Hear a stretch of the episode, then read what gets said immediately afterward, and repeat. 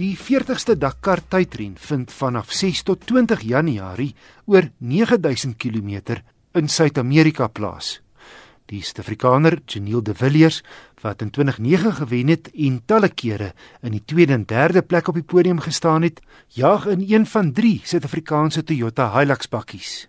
Die Hilux lyk nog min of meer dieselfde van buitekant af, maar jy weet onder die vel is daar baie veranderinge aangebring om ons 'n bietjie nader te bring aan die aan die tweewieldryf Peugeot buggies. Ons is 30 mm meer suspensie toegelaat, so van 250 na 280 mm en dan uh, 65 kg ligter van 1915 na 1850 minimum gewig.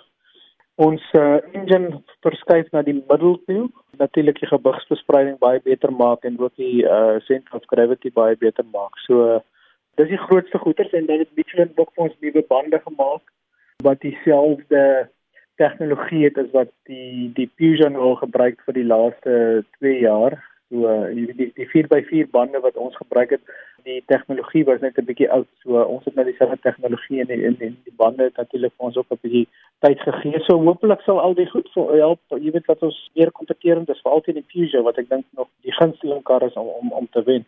Janiel daai meer speling wat op die suspensie toegelaat word tot hoe mate help dit jou of gee dit jou net 'n bietjie meer van 'n gerieflike rit?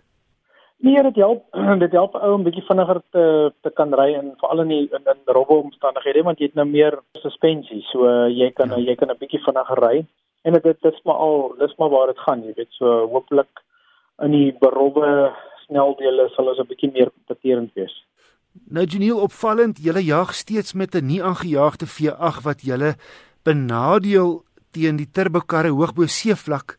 Is dit nie dalk tyd dat julle ook 'n um, uh, turbo aanskroef nie al is dit nou net eene met 'n lae druk om kragverlies te voorkom? Wel, dis 'n dis 'n moeilike een, jy weet die V8 wat ons gebruik is 'n baie baie goeie V8 van Toyota. Ek weet dis iets wat Toyota besluit, jy weet in terme van hulle bemarkingsstrategie en dis meer so ek ry maar wat wat ek gegee word uh, op die einde van die dag. Maar ek moet jou sê, ek bedoel die, die V8 petrol engine wat ons gebruik, is 'n uitsonderlike engine. Jy weet hopelik met al die veranderinge wat nou aangebring is en ons kar wat ek dink absoluut uh, uitstekend is op hierdie stadium. Ek dink ons het 'n groot kans om te kan meeding hierdie jaar. Dis heeltemal reg wat jy sê as ons uh, by daai 4000 meter en en hoër gaan is dit 'n bietjie van 'n nadeel om sonder 'n engine met 'n turbo aan jou te ry, maar jy weet hopelik sal die ander goed ons help om naby te kom. Hoe fiks moet 'n mens wees om die Dakar te ry?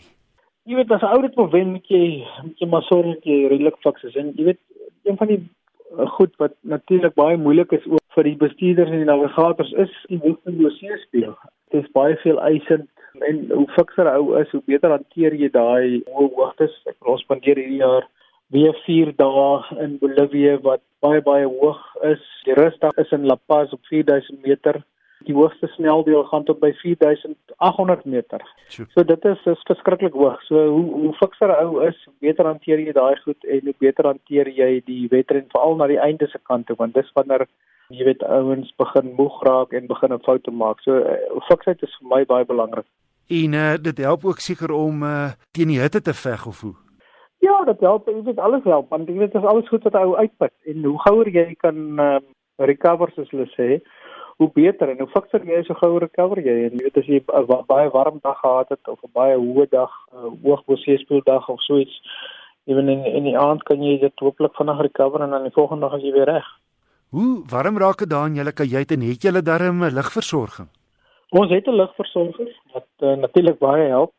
Uh, maar dit raak nog steeds warm, jy weet die die temperature wissel. Ek het al 'n dag daar gehad waar dit minus 10 was. Jy weet waar 'n ou dit nou kruis op baie hoë hoogtes 5000 meter en so aan. En dan uh, kom jy onder in die vallei aan Argentinië se kant, dan is dit 50 grade. So sure. dit is taamlike uiterstes. Ou leer man daarmee te daarmee reg te kom en en natuurlik help die lugversorging dan op op op daai 50 grade daar. Maar dit raak nog steeds redelik warm binne in die kajuit. Janiel, julle spring oor presies 3 weke weg. Het jy al die roete bestudeer? Ek het al na hom gekyk, ja. Ons ons begin natuurlik hierdie jaar in weer in Lima in Peru. Maar ek dink dit gaan die wedren baie interessant maak. Jy weet ons begin onmiddellik in die duine en die sand en ehm um, Peru se duine, jy weet wat ek 5 jaar terug kan kan onthou is baie moeilik. Dis dis nie sulke groot duine soos in Chili nie. Dis kleiner duine, baie sagte sand, moeilike navigasie. So ek dink die wedren gaan baie interessant wees reg van die begin af. Dit gaan 'n moeilike paar dae in Peru wees. Ek verkies dit as dit jy weet as 'n goeie challenge is en nie net 'n soos hulle sê WRC rally pad dan is daar nie veel van 'n 'n uitdaging aan nie. Geniel, maar hoe besluit jy wat nou gewoond is aan vinnig jag, hoe versigtig om te bestuur of laat jy eenvoudig maar lei deur jou navigator en uh, wel die omstandighede?